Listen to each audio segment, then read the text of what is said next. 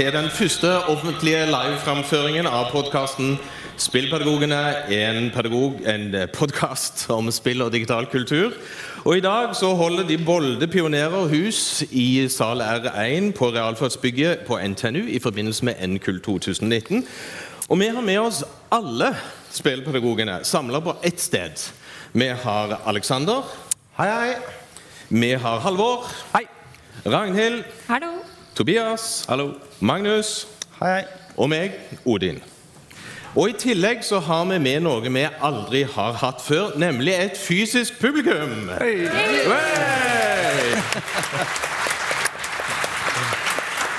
Og eh, Dagens podkast på snaue halvannen time er delt i to. Først så har vi en del der vi tar oss bryet med å presentere oss sjøl litt mer enn vi noen gang har gjort før, før vi går løs på vårt sjølvalgte tema for dagen, som er 'Hvorfor dataspillpedagogikk'.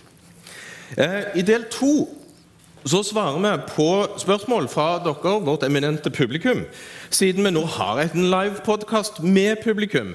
Og vi skal prøve å svare på så mange gode spørsmål som mulig. Og for å sikre oss at vi får med oss en masse gode spørsmål, så har vi her oppe en lenke eh, på lerretet. Og de som skriver inn den nettadressen, kommer til en sånn spør i vei-funksjon, der dere kan skrive inn spørsmål, enten med navn eller anonymt.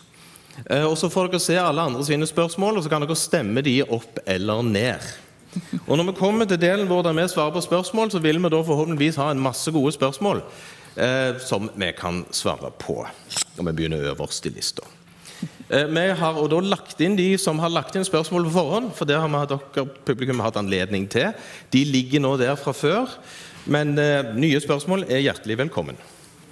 Og som jeg sa innledningsvis, så har vi aldri presentert oss ordentlig for lytterne våre, og vi syns at det var på tide. Så nå har vi gitt oss sjøl en ikke så enkel oppgave, nemlig å si noe om seg sjøl og ikke bruke mer enn tre minutter. Noe vi vet ikke er enkelt for en spillpedagog. Så Tobias. Ja, tre minutter.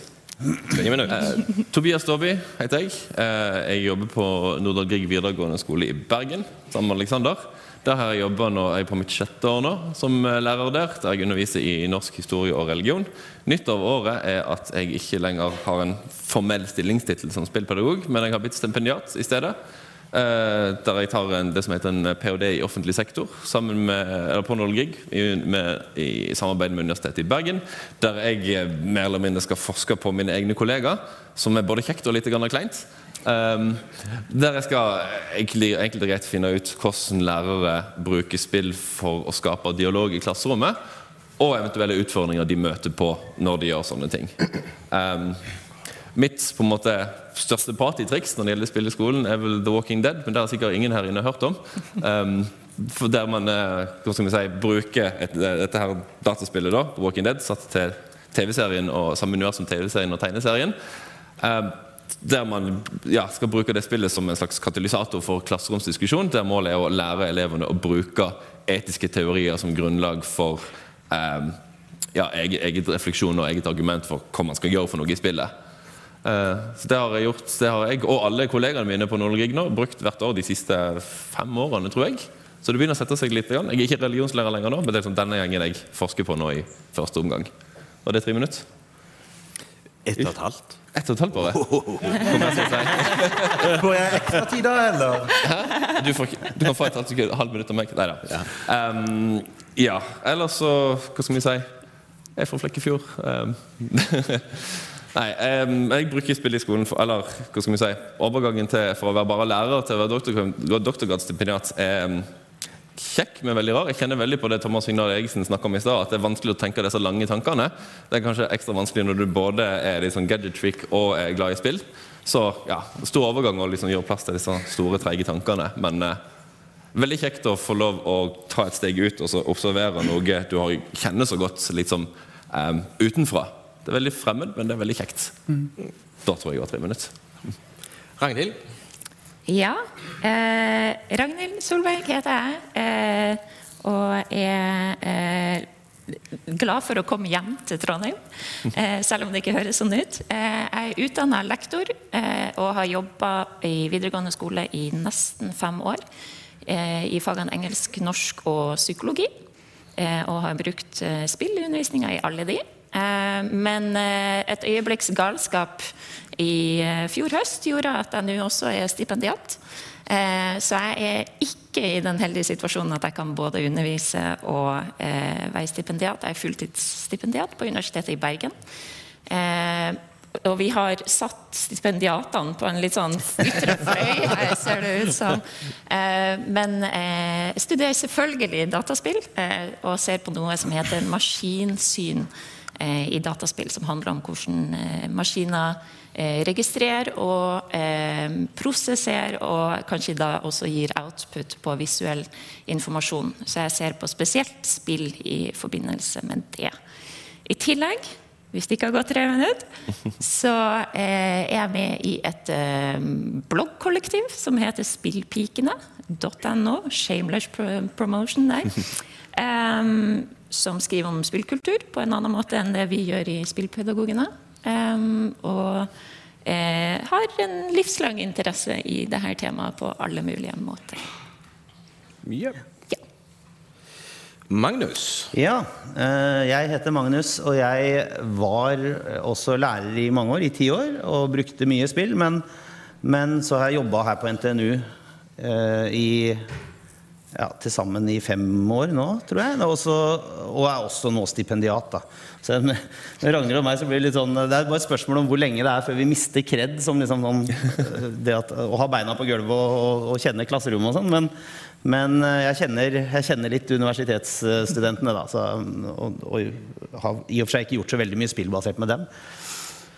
Eh, Men eh, jeg begynte for veldig lenge siden, og Odin sa en gang Jeg følte meg veldig sånn Jeg vokste litt inni meg da Odin sa en gang at jeg er spill, spillpedagogikkens gudfar i Norge. Jeg vet ikke om du husker det sjøl, men jeg glemmer det aldri. Ja, Men det er jo litt sant. ja, ja, ja, ja det er vel det. Jeg, Må det var jo ingen andre da. Og det var Ja, det er en 10-12-13 år siden, tror jeg, at, at jeg liksom første gang stakk hodet ut av klasserommet og skulle og, og fortalte andre om det. eh, Og um, ja. Og et av de spillene som jeg brukte ganske tidlig, eh, det var Assassin's Creed 2. Og så senere så har jeg brukt andre typer av Assassin's Creed. Og, det, når vi nå skulle liksom snakke litt om hvilke, hvilke spill altså, Hvordan skal vi presentere oss selv? Så sa, så sa Alex til meg at du, Magnus, du må jo snakke om Assassin's Creed. Egentlig er jeg litt lei. For det, det er så lenge siden, og jeg har gjort mange andre ting etter det. Liksom sånn, men men så er, jo, så er jo det et, en spillserie da, som er i vinden eh, stadig vekk. Og nå, så, så det er litt morsomt å nevne det. Og nå eh, sist, for bare noen dager siden, tror jeg, så, så det, kom det ut noen sånne nye bilder fra noe man altså, Ryktet sier at det er nye Assassin's Creed, og det heter, skal hete Ragnarok og handle om vikinger og vikingtid. Og det er langt fram, og de har ikke gjort noen offisielle uttalelser, så vi får jo se, da. Men, men sant? det er, det er veldig, morsomt med en sånn spillserie som, som aldri helt slutter. Og um, som um, eh, hvor arkitekturen på en måte er hovedpersonen. Da. Det var jo også litt framme i media nå fordi at, ehm, fordi at eh, Assassin's Creed Unity eh, foregikk i Paris og hadde en veldig, veldig flott digital modell av Notre-Dame. Eh, Så viste det seg at akkurat det tårnet som skal gjenoppbygges, har da, der har, har eh, designeren tatt seg store kunstneriske friheter. Så det ligner jo ikke i spillet. Men, men ellers så er det veldig ja. Så, Du gjorde mye klokere valg når du valgte hvordan spillserie du skulle bygge din spillpedagogkarriere på. Fordi selskapet som lager Walking Dead, bygger min karriere på, det har gått konk. Så, ja. ja, nettopp. Ja, Ubisoft går nok ikke konk med det første. Det, det tror jeg ikke. Men, men det handler jo veldig om da, da handler jo spillpedagogikken og relevansen for skole veldig om å, å se hva de har gjort i spillet. For både, som, som jeg sa, arkitektur er veldig spennende å se på, og, og veldig godt gjenskapt. Eh, og også handling og, um, og karakterer er, er til dels veldig historisk riktige, men så er det et plott som er en skikkelig konspirasjonsteori og, og ljug og fanteri. Men det å forstå den, eh, hvordan disse spiller sammen Nå piper det der borte. Det er, eh, det er en veldig fin historisk oppgave. Det er først og fremst et historiespill, selvfølgelig. Yes. Og her så er det litt av det som alltid skjer. Vi plukker hverandre opp. To- eh, Alexander. Ja. Alexander Husøy heter jeg. Jeg jobber eh, sammen med Tobias en eh, god del i det daglige, i det daglige på Nordland Grieg videregående skole. Der jeg jobbet siden 2010, som var når skolen uh, åpna. Uh, og underviser i engelsk og samfunnsfag. Og utover det at jeg underviser i engelsk og samfunnsfag, så er vel jeg også den eneste som akkurat nå i alle fall har spillpedagog som en del av den offisielle arbeidstittelen min. Og det det innebærer, det er at uh, 20% av stillingen min den går ut på på den ene siden å uh, undersøke spill. Det er ganske ålreit. Jeg får bruke arbeidstiden min på å uh, spille litt. Grann. utvikle undervisningsopplegg hvor man tar i bruk spill som en komponent.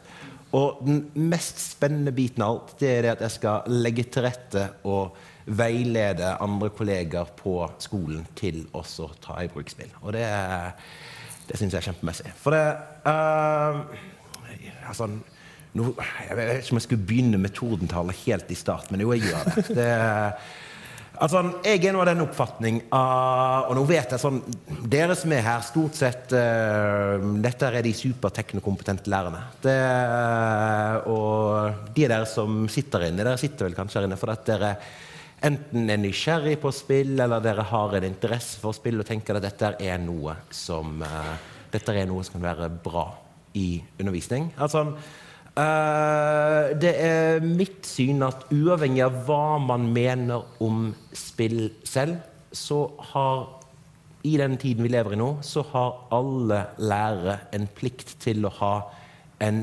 minimums et minimumskunnskap og minimumskompetanse om spill. Og det er rett og slett fordi sånn, Spill er et så viktig kulturelt medium nå i den tiden som vi lever i, og dette er noe som alle bør vite noe om.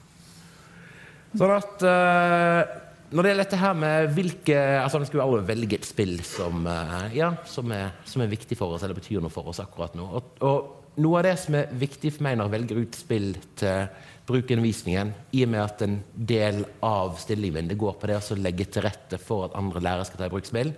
Det, altså, da handler det om å identifisere gode spill som samtidig er veldig lett tilgjengelig. Og det er fryktelig mange gode spill som ikke krever at man er spilleksperter. Sånn at øh, det er, har øh, altså Noe av det jeg synes er noe av det beste som finnes akkurat nå, det er et spill som heter My Child Lebensborn som er veldig lett tilgjengelig, lett tilgjengelig mobilspill, hvor man spiller som fostermor til et syv år gammelt tyskerbarn i etterkrigstiden. Uh, og altså, Det liker med dette spillet, altså, det, at, altså, det bryter litt med de forventningene mange har om hva er det spill er, og hva er det spill kan være. Uh, I tillegg så er, det, er, så er det et norsk spill som faktisk også er utgitt på norsk. De fins det overraskende få av. Det, og det fins iallfall få veldig gode spill som er både norskutvikla og, eh, altså, eh, og, utgitt med norsk språk. Og ikke minst så er dette et spill som er superenkelt, og, altså, altså, superenkelt å ta i bruk for ja, både lærere og elever som har begrenset erfaring med spill fra før av. Da kan vi også kanskje nevne det at der er det en sesjon seinere i dag. Eh, de, en, en, som har vært med på å lage det, og en som underviser med det, skal holde en sesjon et eller annet sted i, i dette bygget.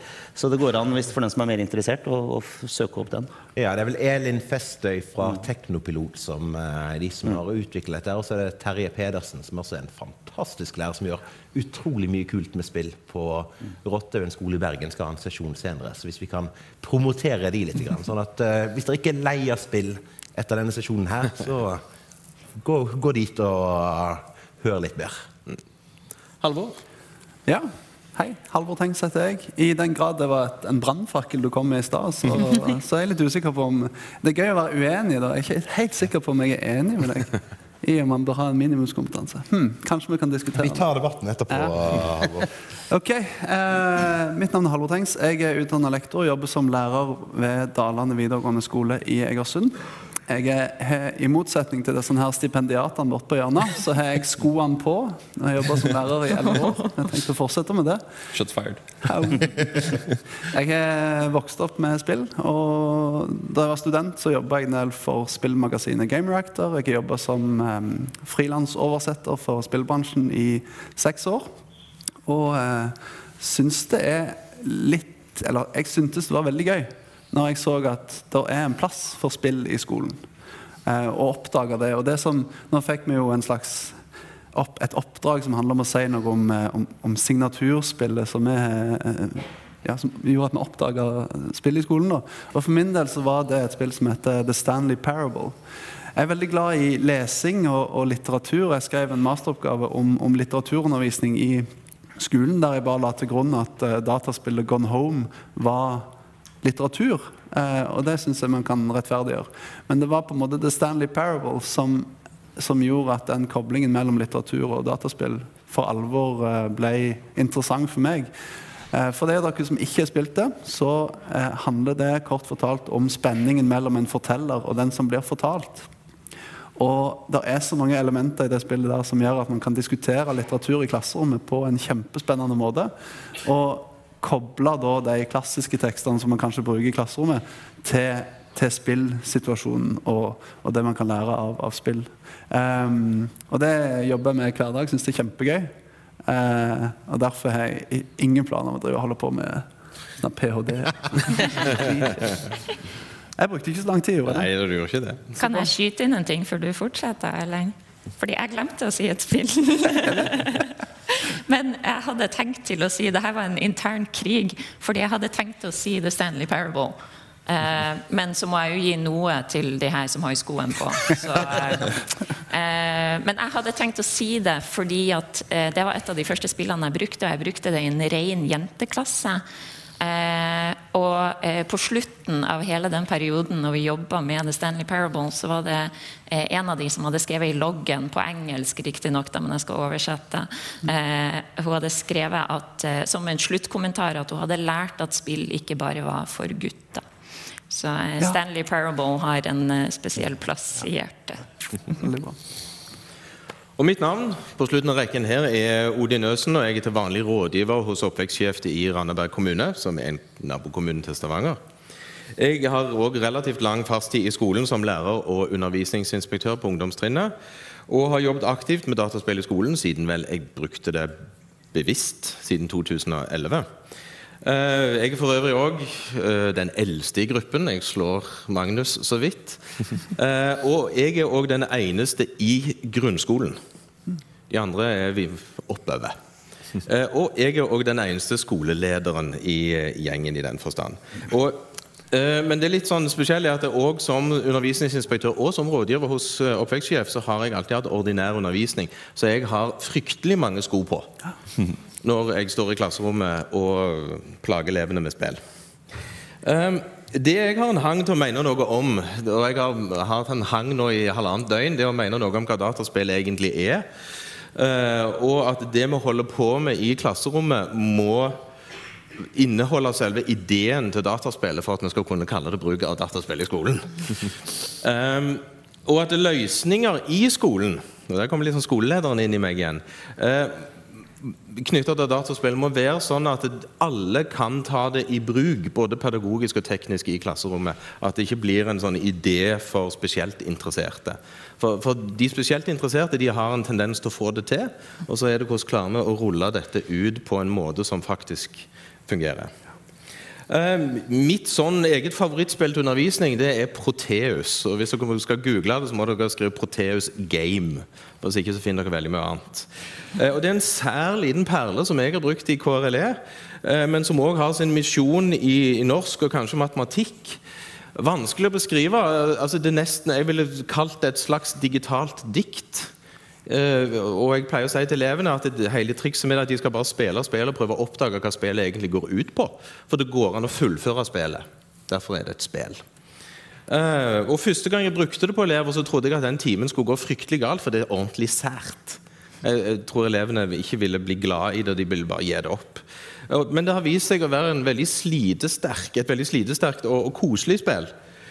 Eh, og, og du kan bruke det til å snakke med elevene om tolkning av en tekst eller tolkning av et dikt, eller det å snakke om hva er meningen med et levd liv, eh, som da går mer inn i KRLE-faget. Uh, og hvis noen har vært borti mitt navn i forbindelse med G Suite for Education og Chromebook i en del kommuner, så har dere nok rett i det òg. Og med det som uh, bakteppe så går vi over til dagens spørsmål som vi har gitt oss sjøl.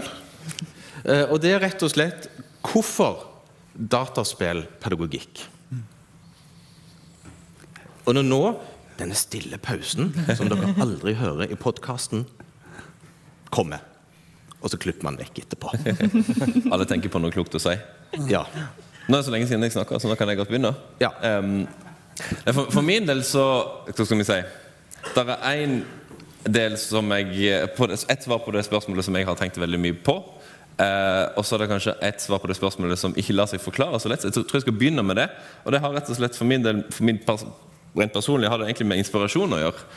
Fordi at da jeg begynte i 5. klasse, så fikk vi en helt nyutdannet lærer som heter Ole Kristian. Han var 24 år, tror jeg. Helt fersk ut av lærerskolen. Eh, han var ekte, ja, ekte hardcore nerd, sånn som mange av guttene, stort sett guttene i klassen var. Um, og han brukte en del spill i skolen for litt på samme måte som det vi bruker i dag. faktisk. Og det var liksom han familien som planta frøet, som gjorde at da jeg begynte som lærer, så hadde jeg jo bare en slags uforklarlig lyst til å gjøre dette her. Så det, det kommer fra et litt sånn et behov om å bru, bruke ting liksom ting som jeg synes, gjør at, at min undervisning er kjekk, rett og slett. Um, som gjør at jeg på min, og det tror jeg mange her kjenner igjen, at, at spill gjør meg på et vis bedre som lærer. Men jeg vet at ikke alle har vokst opp med på en måte den bakgrunnen der.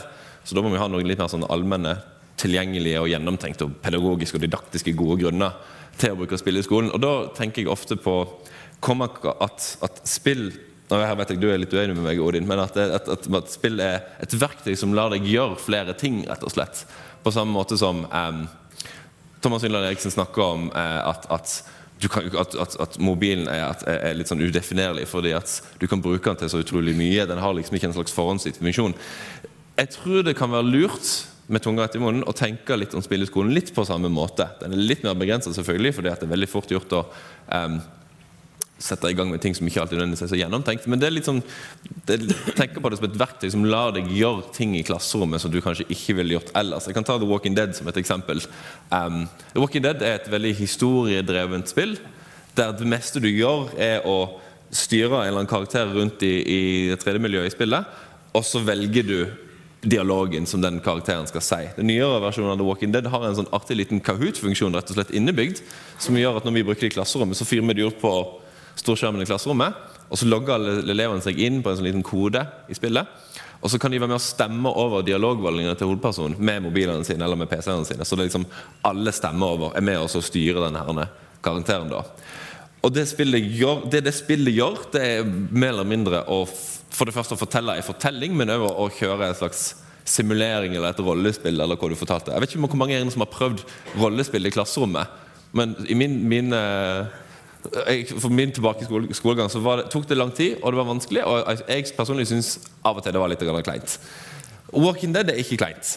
Ikke, fordi at Walking Dead er litt, sånn, litt mer distanse til liksom, den rollen du går inn i. Og det er liksom bare et spill, så da er det liksom mer trygt. Uh, men det er iallfall jeg prøver å liksom være bevisst på. Hva er, det, hva er det Walking Dead gjør for noe som gjør at jeg kan fokusere på andre ting? F.eks. å være den som styrer klasseromsdialogen. Um, også Walking Dead er noen som lar seg veldig fint pause og diskutere. Det ville vært veldig unaturlig kanskje å pause et rollespill og gå inn og ut av roller og ja, osv. Så, videre. så det er min liksom, hovedtilnærming. at det er ikke snakk om nødvendigvis min del å skape et slags hierarki, at spill er liksom det som kommer til å løse alle utdanninger sine problemer. Men det snakker, om, det snakker meg og Alexander i mye om når vi er rundt og, holder foredrag og, workshops. og sånn, At det er snakk om å gi læreren flere verktøy og verktøykassa. Rett og slett. Problemet er at dette verktøyet kommer heller ikke med noen instruksjonsmanual. Sånn som mobilen. Mm. Ja. Du, vet du, er Den funksjonen du snakker om i Walking Dead, er det et, en konsekvens av ditt din, ditt undervisningsopplegg? Jeg skal, være, jeg skal være så narsissistisk at jeg sier ja.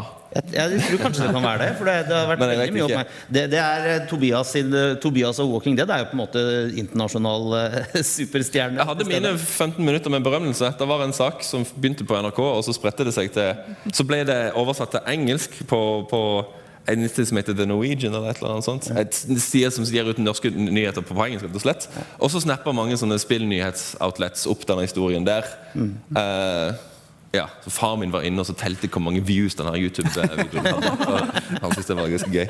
Eh, men da, da brukte jeg første sesong av Walking Dead, den hadde ikke den der Kahoot-funksjonen. Så da, da brukte jeg bare Kahoot. rett og slett. Jeg alttabba inn og ut av spillet for å liksom stemme over Litt fordi at um, noen av dilemmaene i spillet har noen løsninger som kanskje ville sett på som litt sånn, hva skal vi si, politisk ukorrekte. Så for at elevene ikke skal liksom blottliggjøre seg selv med å rekke opp hånda, så brukte jeg bare Kahoot for å liksom la de stemme anonymt. rett Og slett.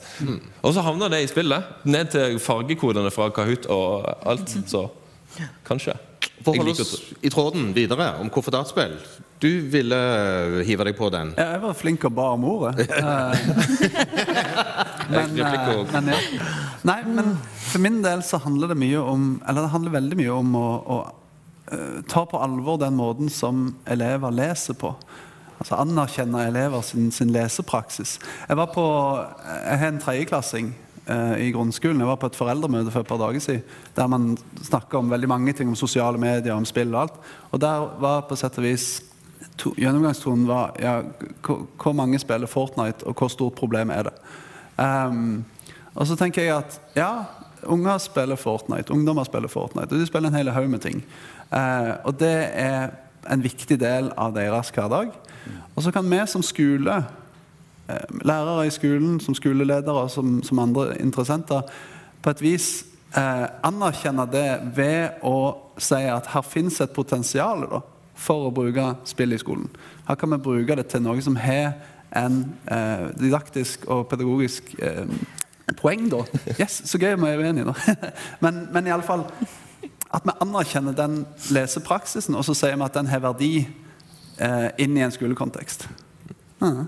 Veldig kjapp kommentar til akkurat det du sier. For dette er ikke uvanlig når det gjelder andre medium. Jeg vet ikke om dere norsklærere her inne husker sikkert den eh, norsk eksamensoppgaven fra en tid tilbake. Da det var et utdrag fra eh, slutten av et dukkehjem og så et, et transkribert utdrag fra Skam. Skam, rett og slett. ja. Eh, og så, I fjor så tror jeg det var en oppgave Jeg husker ikke hvorfor diktet var som var tatt ut. Men det var i hvert fall tatt, tatt utdrag fra den norske oversettelsen av uh, A Song of Ice and Fire, Game, Game of Thrones. Der man skulle bli bedt om sånn. Så det er ikke, det er ikke helt, Vi ser jo litt som eksamenstekst at deler av elevene sin ja, kulturhverdag, lesepraksis, det begynner liksom å sive inn i liksom eksamensoppgavene.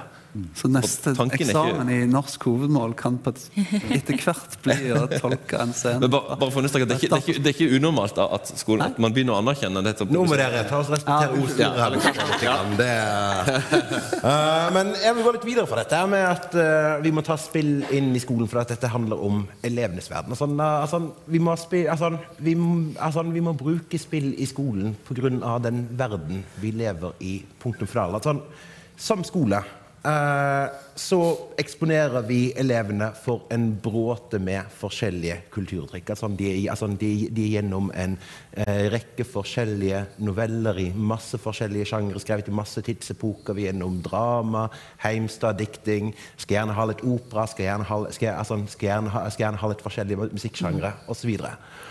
Og når vi introduserer alle disse kulturuttrykkene til elevene, altså, så, handler ikke, altså, altså, så, handler det, altså, så handler ikke det bare om at nå skal vi sørge for at alle elever skal like alle disse kulturuttrykkene. Men det handler om å vise elevene hva er det som er eh, altså, eh, altså, Hva er det som er Eh, altså, hva, altså, hva er det som er til stede i kulturen? Og rett og slett gjøre seg opp en oppfatning om hva er, det, altså, eh, hva er det man liker, og hva er det man ikke liker? Og kanskje ikke minst hvorfor er det man liker, eller hvorfor er det man føler at man får, får verdi av et eller annet? Og eh, nå, selv om ma ma mange gjerne tenker det, så er det ikke nødvendigvis sånn at alle elevene våre er supereksperter på spill.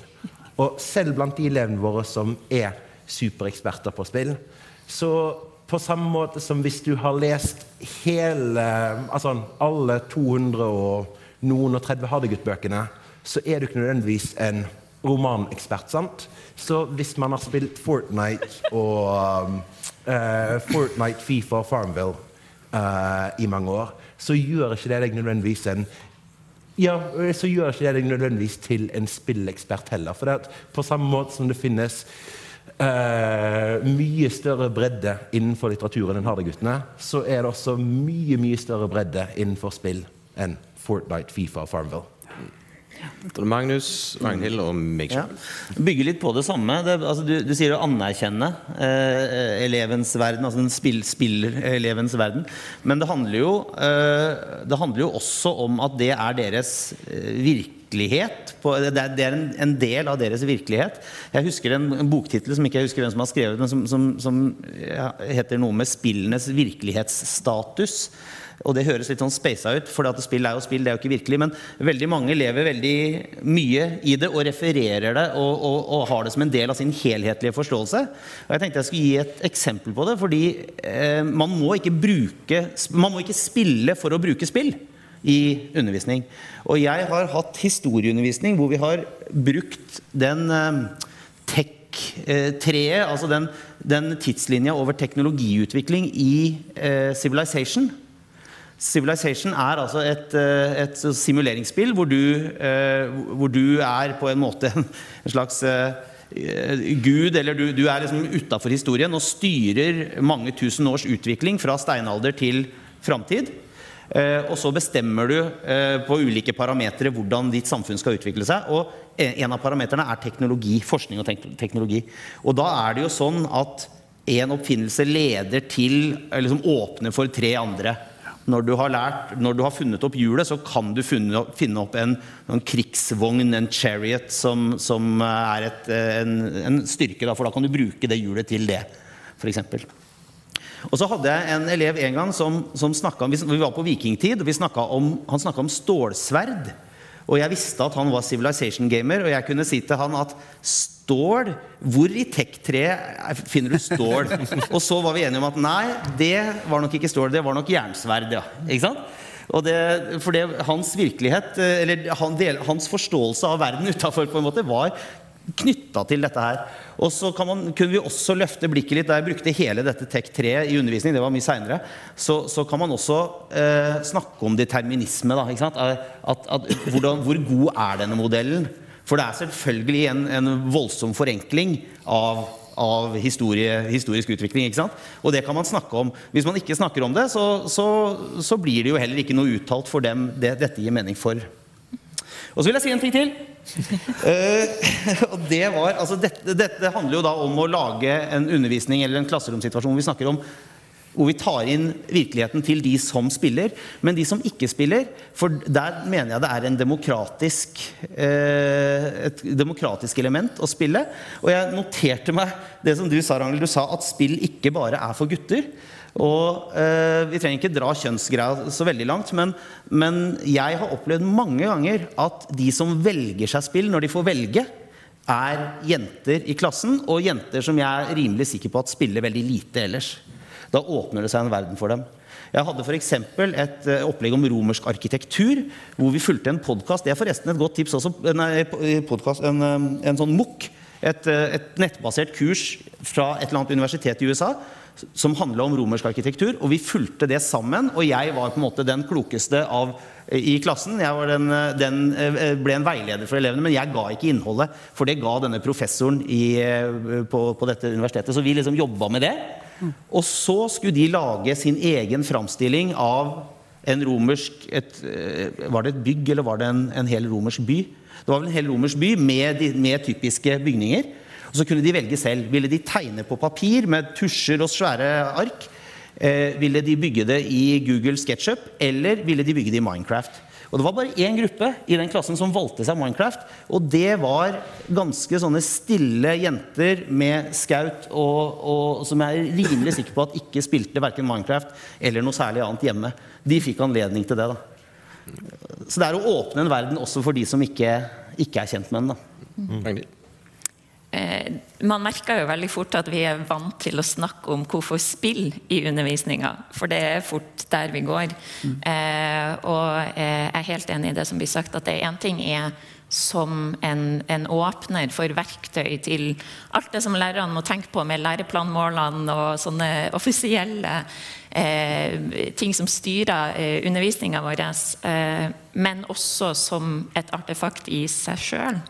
Eh, som f.eks. i dette tilfellet bare, jeg, har undervist mange elever som ikke liker å spille, som sier de ikke liker å spille, og som egentlig ikke har likt å bruke spill i undervisninga.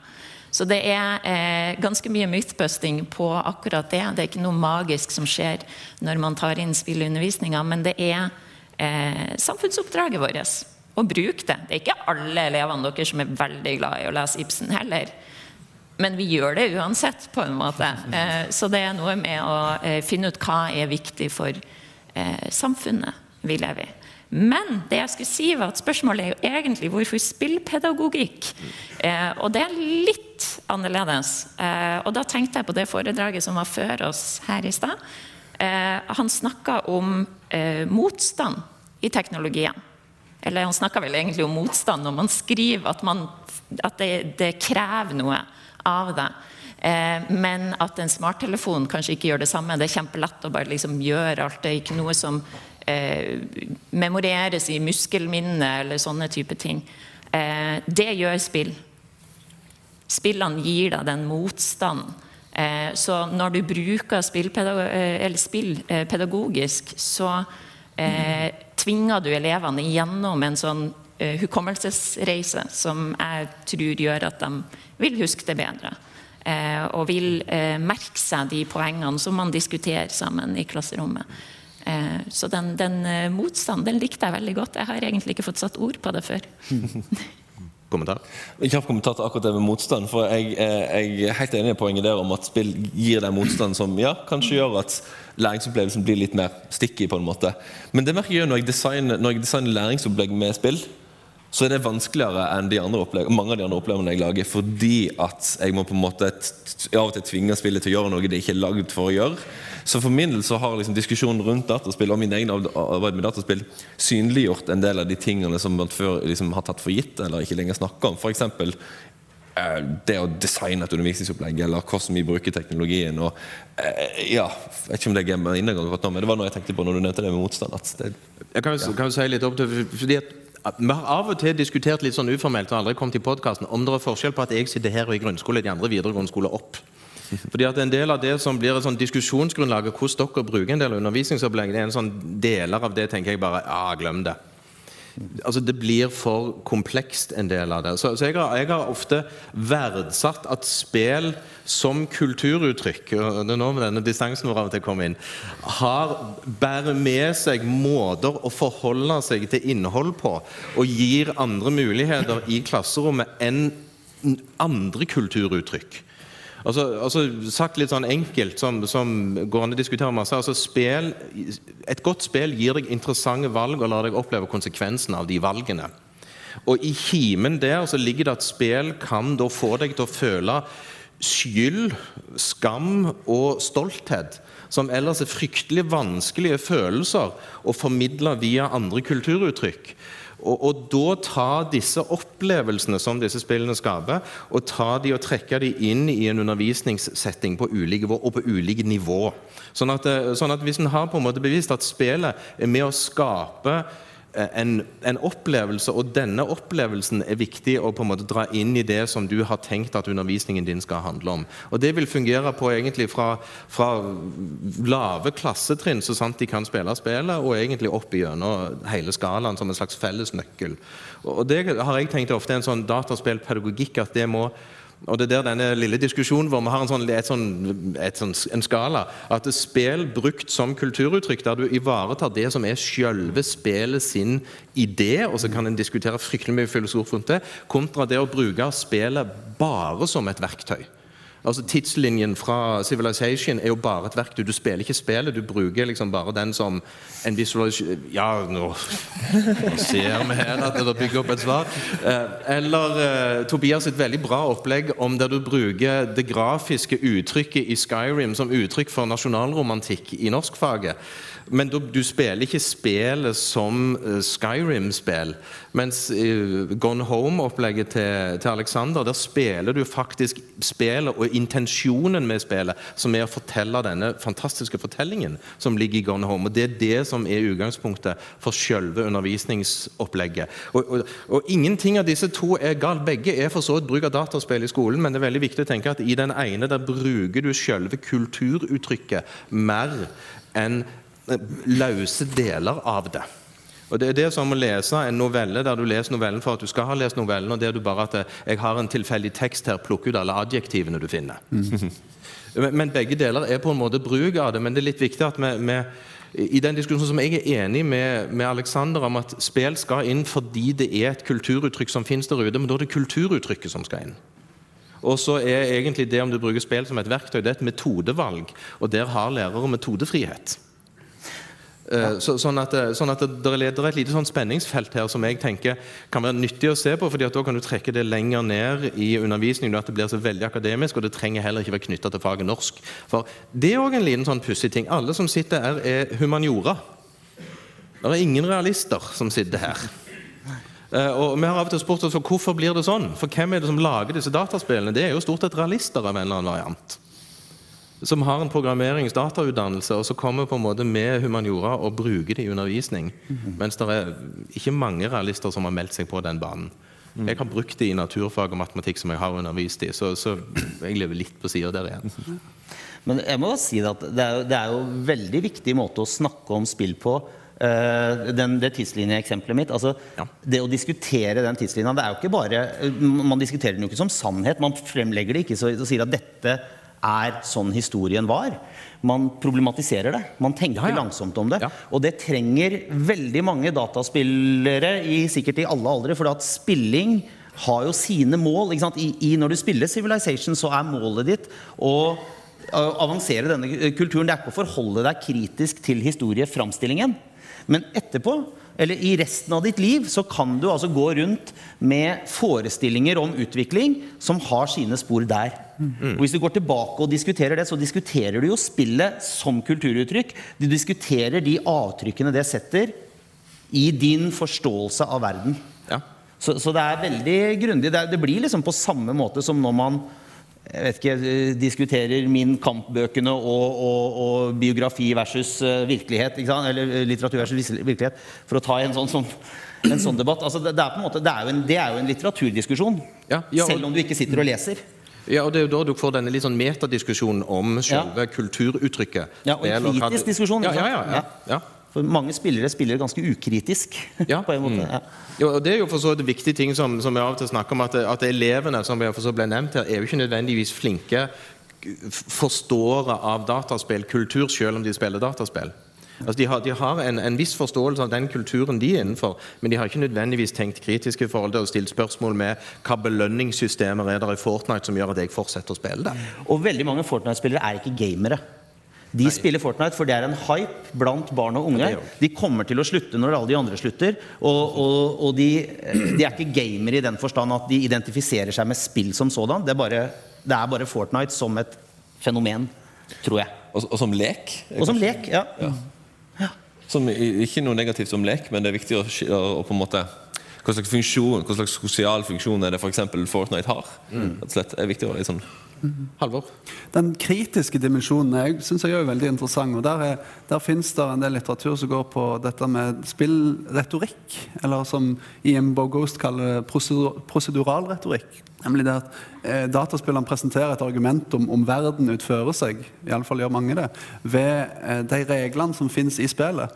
Og Der finnes det en åpning for å snakke om spill eh, på en annen måte enn bare på, på, overflaten. At man kan gå ned og være kritisk til ja, hvorfor er det sånn at jeg eh, må kjøpe den tingen for å kunne komme videre i spillet her? Eller hva, hva, hva, er det som, hva er det med reglene her som sier noe om verden utfører? Et veldig godt eksempel på det er, er Sims-spillene, som, som man i prinsippet kan bruke som eh, en kritikk av det samfunnet som vi, vi lever i, på et vis. Og, og jf. fagfornyinga her, og jeg henger meg jo litt opp i norskfag, egentlig, men, men jf. fagfornyinga generelt, så, så tror jeg at det er en del eh, å hente der, da, med, med tanke på hva vi skal lære elevene om, om kritisk tenkning i, i framtida.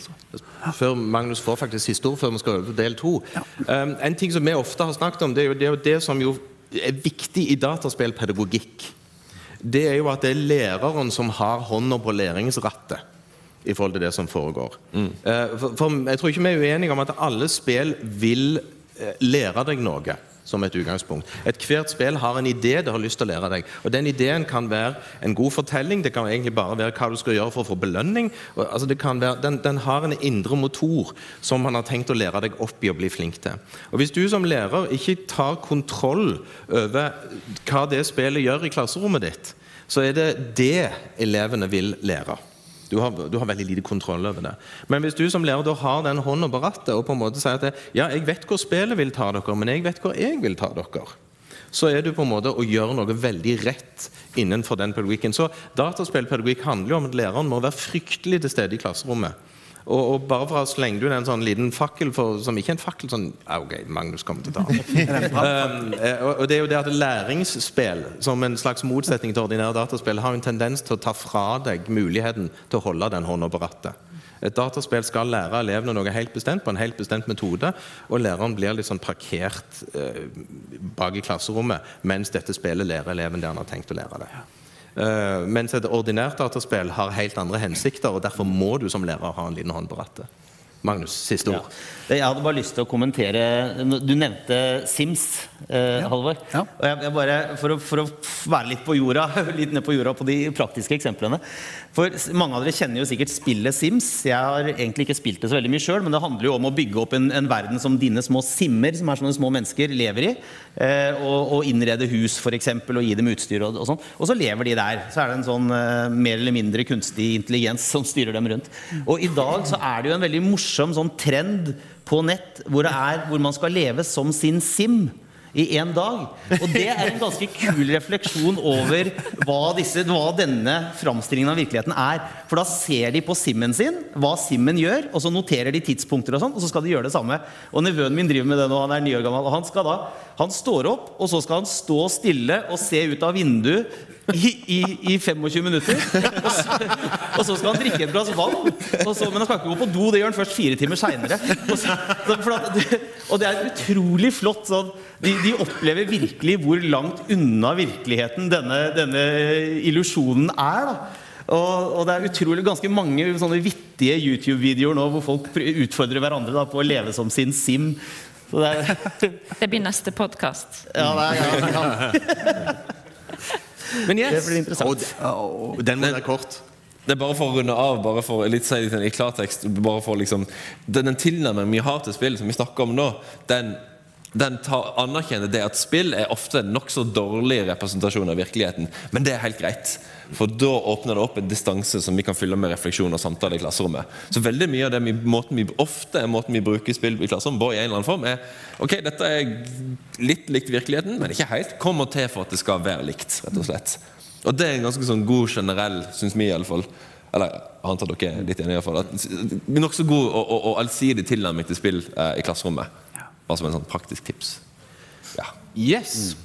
Og da tar vi over til den delen der eh, dere skal få lov til å få svar på spørsmål. Og øverst oppe i lista så er det et relativt klassisk et. Det er hvordan starte med spill i undervisningen uten å gape over for mye? Mm. Godt. Godt spørsmål. Godt spørsmål. Kan jeg begynne på den? Du kan få begynne. Ja. Uh, altså på den skolen hvor jeg og Tobias jobber, vi er superprivilegerte. Vi, altså, vi, har tilgang til et, vi har tilgang til et spillerom med 15 ganske kraftige PC-er med ganske mye spill allerede lagt inn, og vi har en eh, jeg blir stadig overrasket over hvor velvillig ledelse når vi spør om penger til å kjøpe spill og sånt. Så det er altså, sånn at altså, eh, altså, vi, le, vi, lever i en eh, altså, eh, Vi lever i, lever i, en virkelighet som de aller, aller fleste lærere på skoler rundt om ikke er i. Men når det er sagt altså, Veldig mange av de gode spillene de kan være enten, altså, kan være enten, eh, være enten gratis eller nesten gratis, for, eh, eh, eller nesten gratis å tak i. Og det finnes utrolig mye bra altså, Det finnes utrolig mye bra nettleserspill som verken, altså, som verken krever noe utstyr, eller som krever noe, altså, som krever noe midler for å gå i gang. Uh, og typisk for uh, disse nettleserspillene er at dette også er spillmekanisk enkle spill. Sånn at det er spill som uh, uh, altså, Det er spill som ikke krever ja, en veldig stor grad av spillekspertise fra læreren, men det krever en altså, det krever, en, det krever fra lærer da, en villighet til å sette seg inn i hvordan er det dette spillet angår mitt fag. Og der på, nå, på, altså, nå på tampen av, eh, på av podkasten kommer vi til å dele, dele, en del, dele en del ressurser uh, delvis som, delvis som vi har laget, og delvis som andre har laget, hvor det er en uh, altså, hvor det er en masse gode guider til ja, gode, gode spill å starte med, og gode framgangsmåter for å starte med spillundervisning. Mm. Jeg er jo en av de eksemplene eh, som eh, ikke, ikke, hadde noen penger når jeg starta med det her. Eh, og eh, man skal ikke kimse av de her nettleserspillene. Eh, Congregate.com f.eks. har eh, masse masse bitte små sånn femminutters pikselspill som åpner for masse muligheter i klasserommet. Eh, veldig ofte så deler vi også på Facebook og eh, sånn, hvis man følger oss der. Igjen, promotering med lov. Eh, så deler vi når eh, Life is Strange er gratis eh, og sånne type ting. Sånn at det, det går an å få lasta ned ganske mye. Men jeg tenkte spørsmålet også går an å tolke som hvor begynner læreren? Eh, og for det første, hvis man ikke har noe særlig kjennskap til spill, så ville jeg ha sagt begynn med et spill. Eh, ta, ta, et av de som vi snakker ofte om. Eh, dere finner fort ut hvilke det er. Eh, last det ned og spill det. Eh, se hva det gir deg. Hvis det ikke gir deg noen ting, så må du gå an og, og begynne å tenke pedagogiske refleksjoner rundt det. Eh, men vi sitter jo her fordi at vi har starta i den enden, alle sammen. Vi har spilt spill. de har gitt oss et eller annet. Vi har prøvd å tenke dette vil vi også få eh, formidla til elever. Hvordan gjør vi det? Mm. Ja, jeg er så glad i et sitat fra Henning Fjørtoft som sier at det er norsklærerens privilegium å velge sine tekster. Eh, og det gjelder for så vidt i alle fag, vil jeg, vil jeg anta. Eh, og, og, litt til det, da. fordi hvis man har et spill som, som, man føler at her er det et potensial for å, å bringe dette inn i et klasserom, så, så, gjør man det. Og så er det ikke nødvendigvis sånn at man må installere dette spillet på alle elevene sine PC-er. Det går fint an å spille i lag på en storskjerm og få noe ut av det. Jeg hadde en kjempefin økt i fjor høst da vi spilte et spill i franskundervisningen. Vi bare bytta språk på spillet. Det heter Firewatch. Og så spilte vi det sammen som en leseopplevelse i klasserommet. Og, og, det som trengtes da, var at jeg hadde spillet installert på min PC, og så spilte elev med det i lag, og så, og så snakka vi om det. Og, og, ja, jeg tror òg at det, henger veldig mye på hva, hva tenker den enkelte lærer om, om det spillet som han har foran seg. Eh, og hva slags potensial tror man at dette kan, dette kan ha inn i et klasserom, og så prøver man. Og så kan det gå rett til åt skogen, eller så kan det funke veldig bra, og, og det går helt fint. Mm. Meg før Tobias. Altså, i, i, det er sagt, det viktige kanskje å si den at du kan ta det med inn på én maskin og spille på prosjektør i klasserom. I en videregående skole da har hver elev sin hver sin maskin, og det er ikke nødvendigvis tilfellet i grunnskole. Selv om det begynner å bli relativt vanlig med én tegn på ungdomstrinnet i en eller annen variant. Og jeg regner med at vi før eller senere får et spørsmål om Chromebook og iPad og litt sånne ting, og hva skal du spille spill der? Og da svarer delvis noen av disse svarene på det, for nettleserspill som er lett tilgjengelig, fungerer fint på en Chromebook. Det å ha en, en, en PlayStation i et klasserom som du kan spille en del spill på, fungerer òg fint. Men den enkle måten sånn alt i alt, det er jo faktisk å gå inn ennå på IKT i praksis eller finne en av våre ressurser. Og Finn noe du syns ser bra ut innenfor ditt fag. Les deg gjennom det og se om det ser kjekt ut, om det er noe du har lyst til å prøve i din klasse. Som ikke nødvendigvis krever mer enn nettleser eller én maskin. Uh, og, og, så prøv det ene opplegget, og sånn at du føler deg trygg på at det virker rimelig enkelt. Det, det er et sted jeg ville, ville begynt. Ja. Og så for å når man skal ta inn et spill i klasserommet, så må man jo designe en slags læringsaktivitet rundt det. Og det, Der er forskninga ganske tydelig at for at spillinga skal være faglig relevant, så er man nødt til å se sånn førprat og underveisprat og etterprat mellom lærer og elever er kjempeviktig, som i ganske mange andre tilfeller. Mm. Så et sånt tips er rett og slett gjør sånn som dere vanligvis sikkert ofte gjør, og, og baser mye av læringa på klasseromsdialog, rett og slett. Og da går det fint å bare ha spillet på skjermen sammen, litt sånn som flere her nevner. Og så kan man pause litt underveis og si ok folkens, hva tenker dere om dette. her, Hva skal vi gjøre nå? Og så, videre, og så, videre. Mm. så det å bare snakke sammen med elevene sine rundt det og, og invitere dem til å komme med sine refleksjoner, da kan det komme mye kjekke ting. Så tipset, beste tips er egentlig bare start super litt uambisiøst. Prøv et eller annet som tar veldig kort tid å spille. Gjerne korte spill som kanskje tar bare et par minutter å spille. Mm. Og så kan man snakke litt rundt det. Så blir du litt varm i trøya etter hvert. For det handler mye om å føle seg For som lærer så er det veldig ubehagelig å gå ut på ting du ikke kjenner så godt. Mm. Så det er, tipset er bare prøv for forsiktig fram. Kjenn hvor isen er tjukkest henne, og så går du derfra. Mm. Da hopper vi til neste spørsmål. De stokker litt rundt på seg her. Eh, så her vil jeg slå sammen to stykker. Hvilket spill anbefaler dere for bruk på mellomtrinnet? Og neste, hvilket spill vil dere anbefale som inngangsportal på ungdomstrinnet, og på hvilken plattform? De, de, henger relativt sammen. Og jeg, jeg, skal ta meg den da friheten og begynne å svare på det, i forhold til at jeg sitter her i grunnskole.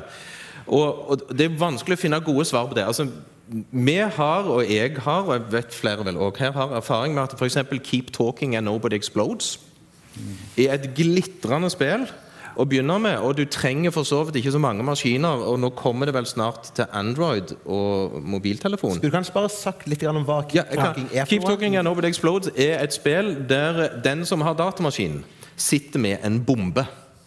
Eh, og Denne bomben er det mye finurlig med, og for å desarmere denne bomben så må en da trykke og gjøre de rette tingene på ulike moduler på denne bomben. Og så må denne eleven som har bomben, han må ha noen venner som har bombemanualen for hvordan å desarmere denne bomben. Og Denne manualen den finnes på alle språk, inkludert norsk. Så her er det for så vidt ingen stor begrensning i forhold til språk.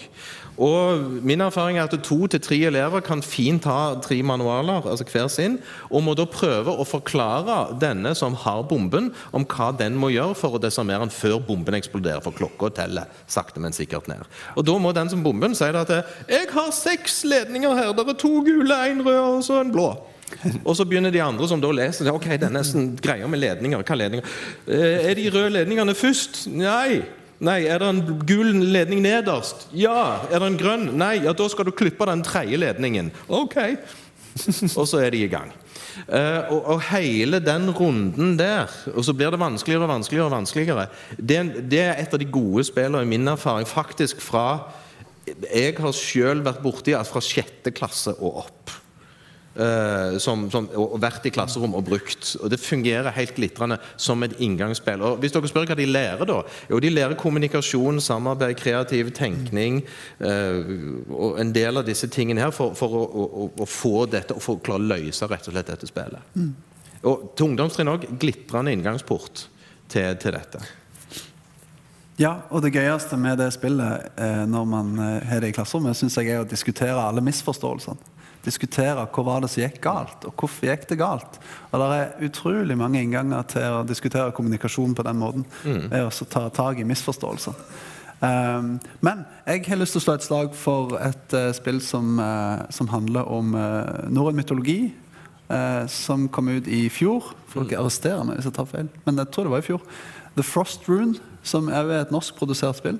Um, det syns jeg tror jeg eh, vil passe fint på, på mellomtrinnet. Mm. Uh, nå har jeg prøvd i videregående skole, men, men jeg tror jo det funker veldig bra Det- det på, funker. på mellomtrinnet. Ja. Vi kan godt fortsette med litt flere tips når vi først er i gang. ja, var det ikke det? Ja. Ja, men ta, Prøv å få de så langt ned som mulig. Ja, da, jeg må, må jo nesten nevne Loneliness. Sorry for at jeg stjal den fra de av dere som hadde tenkt å nevne det. Loneliness er et nettleserspill som tar de av dere som, Hvis noen har hørt på dere snakke før, så har vi sikkert nevnt det tidligere. Men det er et nettleserspill som tar halvannet minutt å spille. Og det er gratis. Gratis. Har nesten ikke grafikk. Du bruker bare piltastene for å styre. Og det er ypperlig for diskusjon og samtale i nesten alle myke fag, så å si. Vi har hatt, vi har, når vi har hatt workshops, og sånn av og til, så kaster vi av og til lærere ut i Loneliness. Spill Loneliness. Um, se hva slags ideer du får til ditt fag. Og så å si alle har et eller annet å si. Nesten alle, Om de så, så nesten aldri har spilt før, så, så har de, får de en eller annen idé med Loneliness. Hvis dere bare googler 'Loneliness Game', så dukker det opp. Ikke google bare Ikke noe.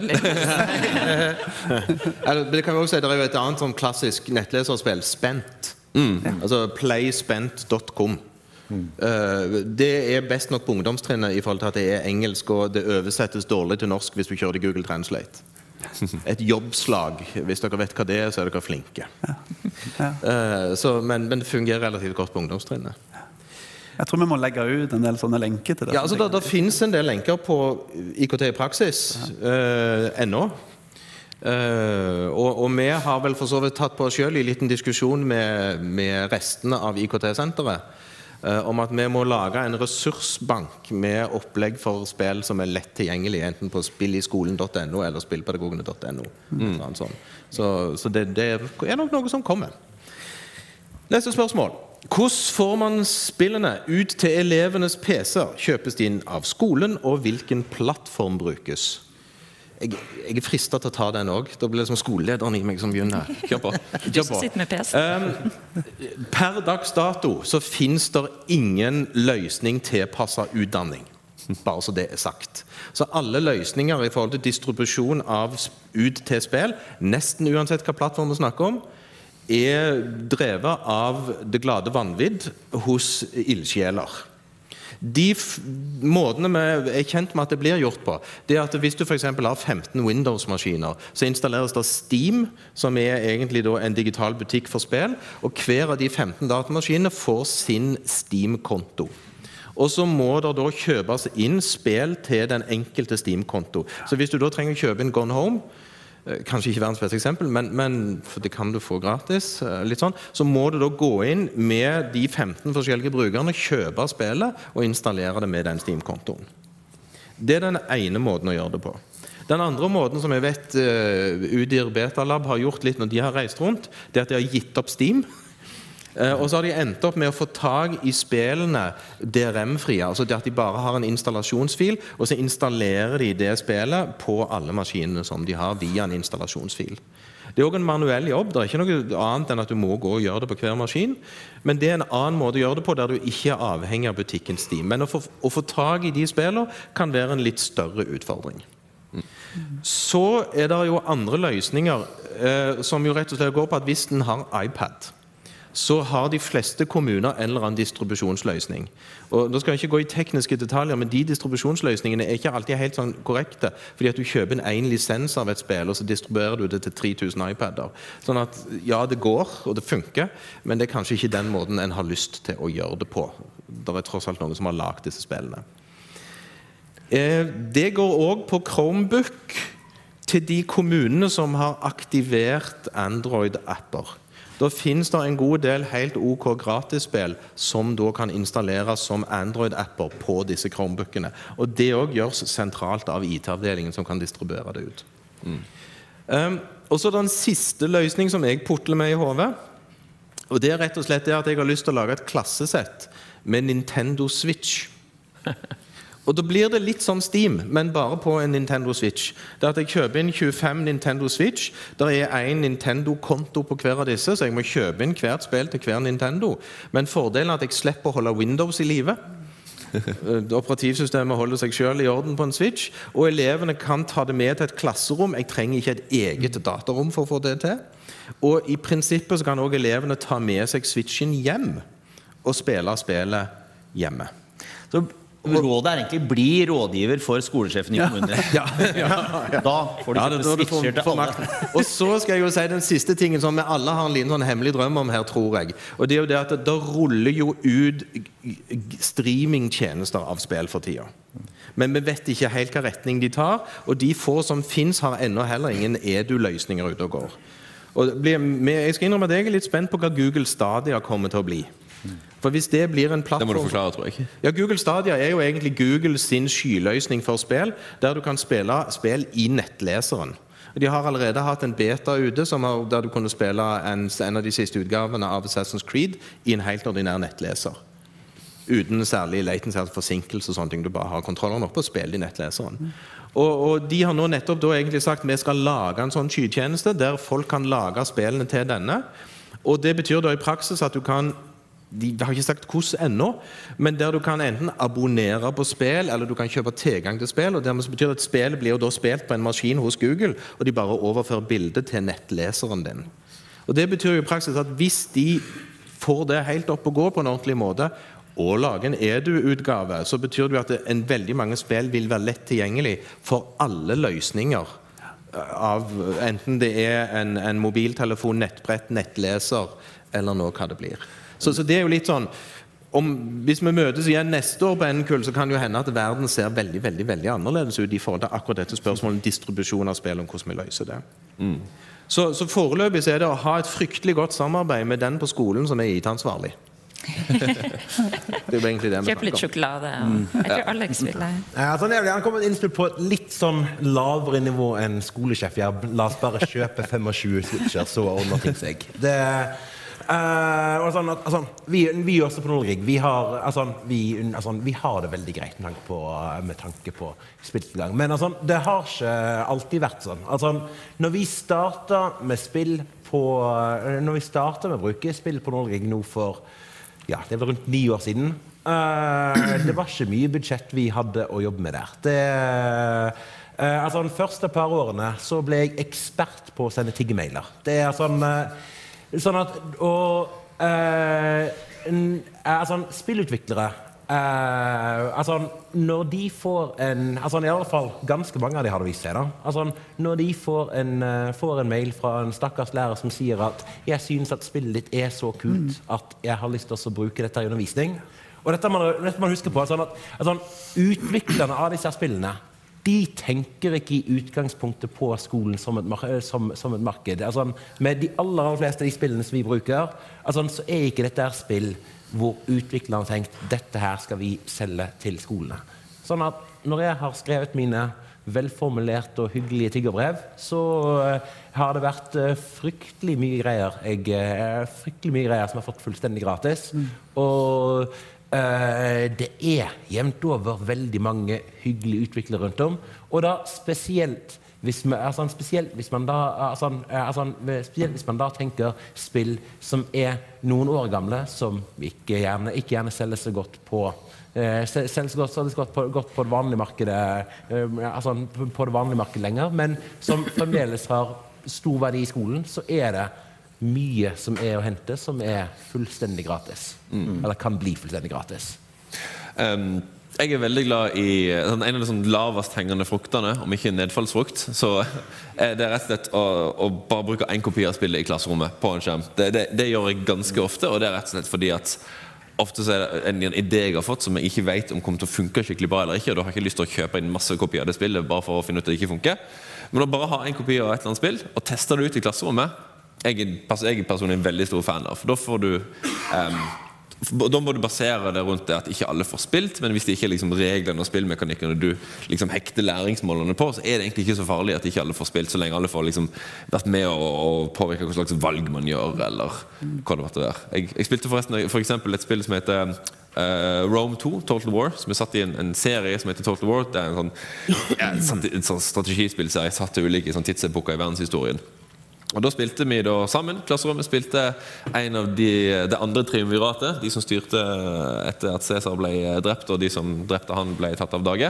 Og Da bestemte vi liksom, ja, hvem skal vi gå til krig med, hvem skal vi gå, være alliert med, hvem skal vi gå inngå handel med. og Da ble liksom klassen et slags senat som liksom skulle ta avgjørelsene. Så Det endte med at vi invaderte Syrikus, for det syntes alle var, var så gøy. ja. Magnus. Ja, nei, det tror vi kan si vi har Neste spørsmål er en klassiker. Hvordan forholder seg til aldersgrense på spill? På samme måte som med film. Ja. Og så skal jeg da oversette, for der sitter videregående skolegjengen igjen. Eh, ikke sant? Og, og Det er jo vi i grunnskole som har på en måte at dette spillet her hadde vært gyselig kjekt å bruke til denne gjengen i 8. klasse, men det har en 15 års aldersgrense. Eh, og til det så er det to ting å si. For disse aldersgrensene er, bare, er anbefalte aldersgrenser satt av de som har lagd spillet sjøl. Så vi har jo ikke noe organ som, som vi har i forhold til film som setter en aldersgrense i den forstand. Så, så jeg pleier å si vær gode lærere og bruk ved. Og så hjelper det å ha spilt spillet sjøl. det er litt sånn, du, du hiver ikke en film ut på elevene som du ikke har sett sjøl. Og det samme gjelder litt spill. Men jeg har spilt spill med altfor høy aldersgrense på elever, og det har fungert helt fint. Og jeg har spilt spill uten aldersgrense, fordi at spillet var da tenkt at dette er ikke nifs i det hele, og jeg har hatt elever som har brutt sammen i klasserommet. Uh, ja, ok, jeg, jeg pøste litt på det, men, men det ble litt mer dramatisk enn jeg hadde tenkt. Um, for å si det veldig kort, altså Jeg har spilt Limbo, for de som kjenner det. En liten indie-perle. Eh, som er nokså groteskt. Det er veldig mange interessante måter å dø på i det spillet. Eh, men det foregår stort sett i svart-hvitt, så det er ikke så veldig mye rødt blod. Og det er en liten gutt som dør hele tiden. Så, Så det gjør ikke noe. ja, ja, altså det, det Det er dritskummelt. ja. men, men det er litt sånn, og når da elevene spiller der, selvfølgelig første gangen denne revesaksen eller bjørnesaksen sier eh, og hodet fyker, og den lille kroppen spruter litt svarte bloddråper og klapper sammen, så sier de au! Men det er fordi de syns lyden var ekkel. Ja, ikke sant? Uh, og så er det en edderkopp som uh, du ikke blir venner med, for å si det mildt. lenger ute, som de synes er skummelt. Men der er det på en måte en fantasiverden. De skjønner ideen, og det er en ramme for hvordan de skal bruke det. Dette er en del av rammen. De spiller det helt uten problemer. Jeg har òg spilt Journey med en klasse. Og jeg oppdaget for seint, for det var, jeg var ikke kontaktlærer for klassen, at det var en elev som hadde mista en besteforelder for ikke for altfor lenge siden. Og da var plutselig spillet Journey, som er på PlayStation, og egentlig handler om en reise i livet, fortalt på en emosjonelt veldig sterk måte som du aldri helt klarer å beregne. Hva vil skje med de som spiller? Altså, du kan ha veldig friske, normale mennesker som egentlig ikke har opplevd noe sånn spesielt i livet, som sitter og griner når de spiller spillet. Fordi spillet er emosjonelt fryktelig sterkt på en veldig spesiell måte. Det er ingen ord, det er ingen ting som skjer. Så alt er på en måte et veldig snedig spill. Anbefales veldig å spille. Det er verdt nesten å kjøpe en PlayStation for, sier jeg. Uh, og, og da var det rett og slett jeg bomte, for jeg kjente ikke klassen godt nok. Og Da var det rett og slett at det spillet ble for sterkt for den ene eleven. Så, så det er noe med å bruke ved Du spiller ikke This War of Mine i en klasse der du vet du har ferske flyktninger nødvendigvis. Uh, altså, du må iallfall ta det med i hodet. Altså, This War of Mine er jo et spill som handler om hvordan det er å leve som sivile i et krigsområde. Uh, og fungerer jo fint for elever som ikke lever i krigsområder, om å få en større forståelse om hvordan det faktisk er å leve der. I, eh, som en, en digital ekskursjon ut til et sted du ellers aldri kan være. Men selvfølgelig noen i klassen kan jo hende at de faktisk har vært der. Og at den eh, lille turen er ikke en digital ekskursjon. Nå tror jeg Magnus var Magnus. Ja, det tror jeg òg. Ja. Jeg har vel kanskje snakka om dette i podkasten før, men jeg regner med det er litt nye, nye folk her. For, eh, jeg syns det er litt gøy å fortelle at, at om det siste tingen jeg gjorde egentlig i videregående skole før jeg, før jeg var ferdig der, og det var å spille GTA 5 i samfunnsfag. Og det, det, det var selvfølgelig fordi jeg syntes det var et drivende godt spill. Det var helt nytt da. Og så hadde jo alle i klassen spilt det. Altså de, de, det dette var yrkesfagsklasse eh, med bare gutter, og de hadde spilt det hele gjengen. De hadde aldri spilt det med en voksen. De hadde, hadde aldri snakka om det. De hadde, og de hadde ikke opplevd Det som opprørte meg mest, var at de hadde jo på en måte ikke forstått hvor kompleks og bra historien i det spillet er. For det er en veldig god historie. Det er tre hovedpersoner som har ulike bakgrunner, som dels eh, former hvem de er. Det var veldig lett å, se som en, putte som samfunnsfag, en fortolkningsramme på det og snakke om det på en ordentlig måte. Og så var det det at de, de hadde bare kjørt fort med bil og skyte i folk. Det var liksom det de hadde gjort. Det var deres GTA 5. Og jeg tror de gikk med en mye mer kompleks forståelse av det spillet. Og vi hadde hatt noen samtaler om spillvold og om, om eh, måte, den typen sånn, eh, den diskusjonen som ellers er veldig til stede når man snakker om spill overalt, eh, i, i klassen med en sånn case som var veldig fersk for alle. Så det var, en, det var veldig bra. Men jeg måtte jo, jeg måtte jo se litt skeivt på den aldersgrensa og si at når jeg det, tar dette inn i klasserommet, så har det en hensikt som gjør at det var vel kanskje 16-åringer, 15- eller 16-åringer som, som spilte det. da. Eh, som gjør at det er verdifullt og viktig å spille det. Ja, altså Det er jo fryktelig mye sex og vold i den klassiske litteraturen. Og jeg tenker eh, litt til det du sier her, tilbake igjen til det foreldremøtet jeg var på for et par dager siden, der man diskuterte Fortnite. Og, og, og, og da sa jeg bl.a. at det å sette seg ned ved sida av, av eh, barnet sitt og spille et spill sammen med det, og snakke om det, det kan man jo for så vidt overføre til skolen. da. Det, den verdien det, det har å sitte i et klasserom og snakke om, om voldskultur i dette spillet som vi spiller, som alle, andre har, alle, alle har spilt allerede, det, det har en verdi som, som i, i og for seg ja, kanskje overgår behovet for å følge aldersgrense. Men med det sagt, med, der er jo ja, det skal, man, man skal gjøre en vurdering da, tenker jeg, på, på, på hva som er greit og ikke. Jeg bare kjapt slenger meg på akkurat det du sier der, for jeg tror det er et veldig viktig poeng. Eh, nettopp det at skal man, skal man skal man ta inn på en måte problematisk innhold i spill, innhold i medier generelt inn i skolen, så, må, så er det jo for å gjøre elevene i stand til å tenke, reflektere rundt det mer kritisk. og Det tror jeg er veldig viktig. Og Grunnen til å ikke bare ikke ha det i klasserommet fordi det oppleves ubehagelig, men fordi at man blir nødt til å liksom få en slags ja, kritisk literacy rett og slett, og måter å forholde seg til på. Det tror jeg er ganske viktig. Det er jo trekker, trekker litt tilbake igjen til det jeg sa, fordi at det er når vi spilte Limbo, med denne lille gutten som, blir jo, som dør jo på de fleste måter, så var det en del av opplegget at de skulle snakke om dette er et spill.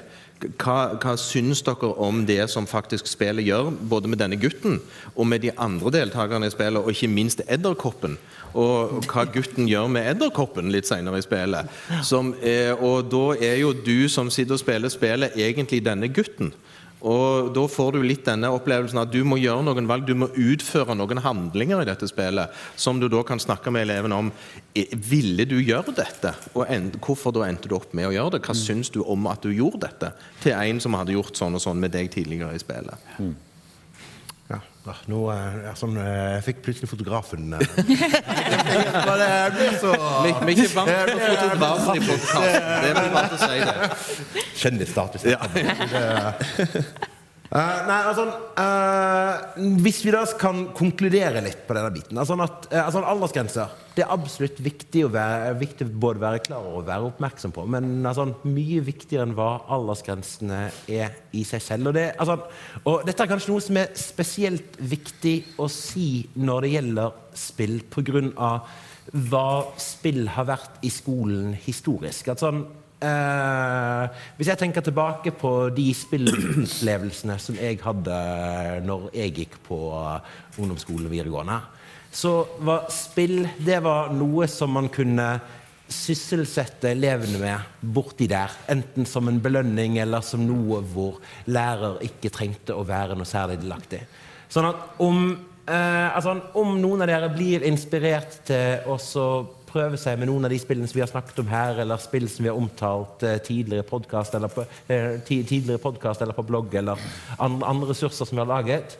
Altså, Vær så snill også spill spillene først selv. Reflekter over hva slags innhold er det som er i disse spillene. Reflekter over hva er det som funker i mitt klasserom med de konkrete elevene som jeg har her og nå, eh, altså, så er det det å ha den bevisstheten på A. Hva er det man kan møte på i dette spillet? Og B. Hvem er det som egentlig sitter i glassrommet mitt? Så uh, de to refleksjonene der er enda viktigere enn hva er det som er aldersgrensen på dette spillet.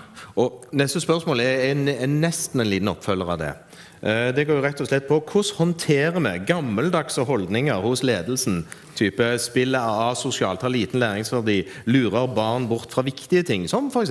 idrett. Inviter. Inviter, inviter, inviter. inviter. Ledelse, de som er skeptiske, til å være med inn og se hva er det jeg holder på med, og hvorfor gjør jeg dette. Det er mitt korte og greie svar på det. altså. Ikke slutt å plage folk med det her. Det har funka. Hvis man bare liksom snakker nok om det man eh, er lidenskapelig om, så får man til slutt gjennomslag. Det er kanskje en fæl eh, leksjon. Eh, Men eh, også eh, det å finne likesinnede. hjelper veldig. Jeg var på ei ega øye helt til jeg fant gjengen her. Eh, og så plutselig så sitter vi her og snakker om det til andre folk som kanskje sitter på sine egne øyer. Det fins ganske mange øyer. Eh, og vi har brukt denne metaforen en del ganger, men altså brobygging og alt mulig sånn, det funka ganske fint, det òg. Eh, så allier deg med noen. Se om det er noen på skolen din som er interessert i det samme. Eh, jeg fant ut at det var opptil flere på min gamle skole, eh, og der lever spillpedagogikken i beste velgående nå. Så eh, det er andre. Vi bare går ikke rundt med sånne merker på spillpedagog. Kanskje vi begynner å gjøre det. Ja. Um, også, og dette gjelder ikke bare hvordan man skal møte skeptisk ledelse, men det skeptikere generelt. Sett deg ned og prøv å forstå hvor de kommer fra. Altså Gå i dialog med dem og snakk med dem. Og, ok, Du er bekymra for at spill gjør sånn og sånn. Hvorfor er du det? Fordi at da på en måte Da skjønner de at du er faktisk villig, villig til å ta deres ja, Kall det fordommer, kall det bekymringer, hva du vil. Liksom. Ta det litt på alvor. Og så, så skaper man dialog og så skaper man en slags toveiskommunikasjon som jeg tror er mye bedre enn å bare si du er, gammel, du er gammel og teit. Liksom. Det hadde vært litt gøy, det òg. Av og til. Eh, jeg tenkte også på det at, eh, som du sier, ikke sant, hvor de kommer fra. Den mediedekninga som er av spill eh, i dag, hvis det er den eneste inputen du får, så er det ikke rart at du sitter inne med fordommer mot det her. Eh, så eh, det er jo sikkert i endring, håper jeg kanskje. Men ja. Det, det er mye mer enn det de aller fleste får se, og det får man egentlig ikke se før man setter seg ned og spiller. Jeg hekta meg på litt den um, Det må jeg de, de ledelsene og vise dem. Men ja, det kommer jo til å kreve at dere gjør litt sånn byråkrati. Den som gjør noe, får noe til. Eller får ting gjort. At dere må, kanskje uten å ha spurt, lånt med dere PlayStation med hjemmefra. Kjørt noe i klassen, testa det en gang. eh, Vær litt stolt av det, og så si til ledelse hva du faktisk har gjort. Kan dette være noe vi kan bygge videre på? Og inviter dem med, vis dem hva du faktisk gjorde. Og at det ikke var nødvendigvis Fortnite du spilte. Eh, og, og, og at du kanskje finner de, de litt enkle tingene som, som fungerer godt sammen med, med de fleste elever. Men så er og Litt tilbake til det du Alexander, sa innledningsvis. At man, man må på en måte insistere på at kunnskap om spill er noe som alle lærere må ha. Der er vi. Det er ikke helt der, altså. Fordi, og og Ikke at jeg er uenig i at man bør ha kunnskap om spill, men, men så lenge man insisterer på at det må man, og sånn er det bare, så, så tror jeg at mange blir, blir skremt vekk. Og så tenker jeg at den, den eh, fruktbare måten å gjøre det på, er å, er å bare kjøre i gang og se hva som funker. Og så, så følger gjerne folk med, da. Men det er kanskje ikke alle som skal drive med spill i skolen. Du skal, nå skal jeg være uenig med deg. Og, og, for så vidt jeg støtter Alexander og er enig i det med at det, Spill som kulturuttrykk syns jeg er så sentralt at lærere må ha et forhold til det kulturuttrykket mm. på, på et eller annet vis. Samtidig så har vi en sånn liten sånn diskusjon med, eller som, som du kan spisse, og som jeg har blitt pirket på av en, av en lærer som hadde drama som fag. Du, hvis jeg skal lære å bruke spill i skolen, så skal du lære drama. Ja. Altså, jeg syns det er helt likt. Eh, og og, og, og der, der, er et, der er et halvt poeng der. et, et halvt. Uh, og, og det knytter seg jo selvfølgelig rett til at, til at du da regner på en måte dataspill som metode, og innenfor metodefrihetsbiten for tvang. Jeg tvinger deg til å bruke dataspill som metode, og da, hvorfor skal vi ikke tvinge lærere til å bruke drama som metode? Og, og Da rygger jeg litt sånn til side og sier at jo, jeg, jeg, tar poenget og for så vidt helt enig, og så sier jeg ikke til de lærerne at jeg har hatt fri dans og drama som en del av min utdanning. Jeg har danset navnet mitt, og det skulle jeg ikke gjenta så mange ganger, tror jeg. Og, men, men og si da, da, da jeg legger meg på litt dette at men jo, men spill er et kulturuttrykk som er et praktisert uttrykk hos elevene i den størrelse at det òg bør inn som en naturlig del av repertoaret i forhold til uttrykk som blir valgt i skolen. Ja, det er elever som er med i dramagrupper òg, men de er begrensa i forhold til som, som uttrykk som finnes der ute, i forhold til å ta det inn. Så, så jeg, jeg, er med på poenget at ikke alle lærere skal være racerflinke til å sitte og spille timevis hjemme for å kunne ta dette spillet med i skolen, men at de må ta utfordringen og tenke at det, det er et nytt kulturuttrykk som ikke har noen plass i skolen, som for så vidt film en periode heller ikke hadde i skole. Det har begynt å bli mer vanlig det, fordi det er lettere tilgjengelig, og fordi flere ser film. Mm. Uh, på, på samme måte så må òg spill inn, men det er der vår lille oppgave blir selvfølgelig ha opplegg klart, mm. ha rutiner som, som, er lett for folk å ta i gang. Og Hvis en lærer har tre spill på repertoaret som de kjører sånn fra år til år, så skal jeg være kjempefornøyd og, og, har sikra akkurat den lille der. Og kanskje kan det skape litt større inntrykk sjøl. Men for er du ikke en som spiller spill sjøl, så skjønner jeg, skjønner jeg, jo veldig godt at da er ikke repertoaret stort i forhold til det du kan ta med inn i klasserommet, uten å på en måte få litt ferdigtygde ting på forhånd. Ja, altså Hvis jeg bare kan presisere den eh, påstanden jeg kom aller først. sånn at For all del, min våte drømmefantasi. Det at når dere går herfra i dag, eh, så går dere hjem og prøver å finne ut av litt om spill, og så prøver dere dette, dette inn i, inn i undervisningen. og sånn, og det, det skulle jeg ønske at alle, alle lærere i hele landet gjorde. Uh, men uh, det som er nødvendig, mener jeg i alle fall altså, altså, Det er at det øyeblikket man har en lærer altså, det, Unnskyld. Det øyeblikket man har en elev eh, Det øyeblikket man har, man har, altså, det øyeblikket man har en elev som i særemnet sitt har lyst til å sammenligne, altså, altså, sammenligne et narrativ i spill med narrativ i eh, altså, med narrativer i et, eller, altså, i et, eller annet, et eller annet klassisk verk. Det øyeblikket, altså, det, altså, det øyeblikket en elev har gjort seg en refleksjon om noe han har opplevd i et spill, og hvordan det knytter seg til annet fagstoff som jobber på skolen, da er det nødvendig at alle lærere vet at spill er mer enn Fifa, Fortnite og Farmville.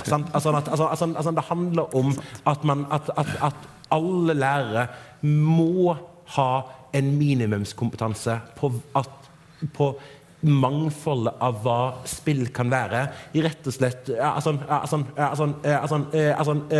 Rett og slett sånn at når elevene gjør disse gode refleksjonene om spill og fag, at vi kan kjenne igjen at her er det gode refleksjoner som blir gjort, og anerkjenne elevene for de refleksjonene. da. Jeg kan Amen. Jeg tror, var, jeg tror, jeg har ikke lyst til å følge opp noe på det. Jeg tror det var siste ordet. Ja, da, da, skal vi ha egentlig siste, siste spørsmål. Aldeles siste spørsmål. Eh, hva viser forskning på effekten av læring med tanke på spill? Hva viser forskning på effekten ved annen type læring òg, da? Men... Ja, altså, vi, vi jo, vi jo litt nei, men, jo, nei, nei, nei, det, det, går, det går an. Altså, det, forskere har jo spurt seg om det, og det er gjort metastudier som, som viser eh, at det har effekt. Men problemet er alltid at når du går inn i det Hva het han der forskeren som hadde det store metastudiet som Hattie. dominerte hele ja, ikke sant? Det, er liksom, det, er, det blir, blir, litt den samme problematikken. At de, du sammenligner så veldig mange ulike mm. fruktarter på en gang. Eh, men, men eh, jeg, kan, jeg kan punktere litt. Hva? Jeg kan punktere litt. Det var vel en Twitter her som kom i går. altså Omfrasert. Appelsin brukt rett i undervisning gir god læring.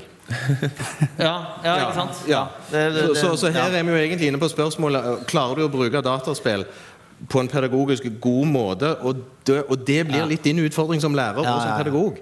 Klarer du var, men men jeg, jeg bare avbryte litt. For Jeg var på et uh, seminar for et drøy uke siden med ei som heter Sara de Freitas, en, en eh, britisk forsker, som hevda at Som har gjort et, et sånn metastudie og sa ja, spill har en effekt. Og Så holdt hun en forelesning, og i den forelesningen så ble det sånn som forutsigbart, egentlig, at vi ble sittende og diskutere hva er et spill. Er det egentlig spill du snakker om nå? For det var en sånn eh, altså, en måte, Hennes definisjon og forståelse var ikke omforent. Da. Så det er veldig vanskelig å si det. Men ja, det fins sånne hardcore studier som viser at det har læringseffekt i en sånn innholdslæringsforstand som vi egentlig ikke er så glad i å snakke om. Ja. Men så fins det andre studier som viser det motsatte. Så det, man, man havner alltid i den der epler og pærer-debatten. Altså. Og med det så runder vi av denne episoden av podkasten.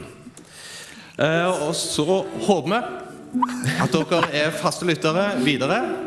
Og så er det lunsj. Kos dere.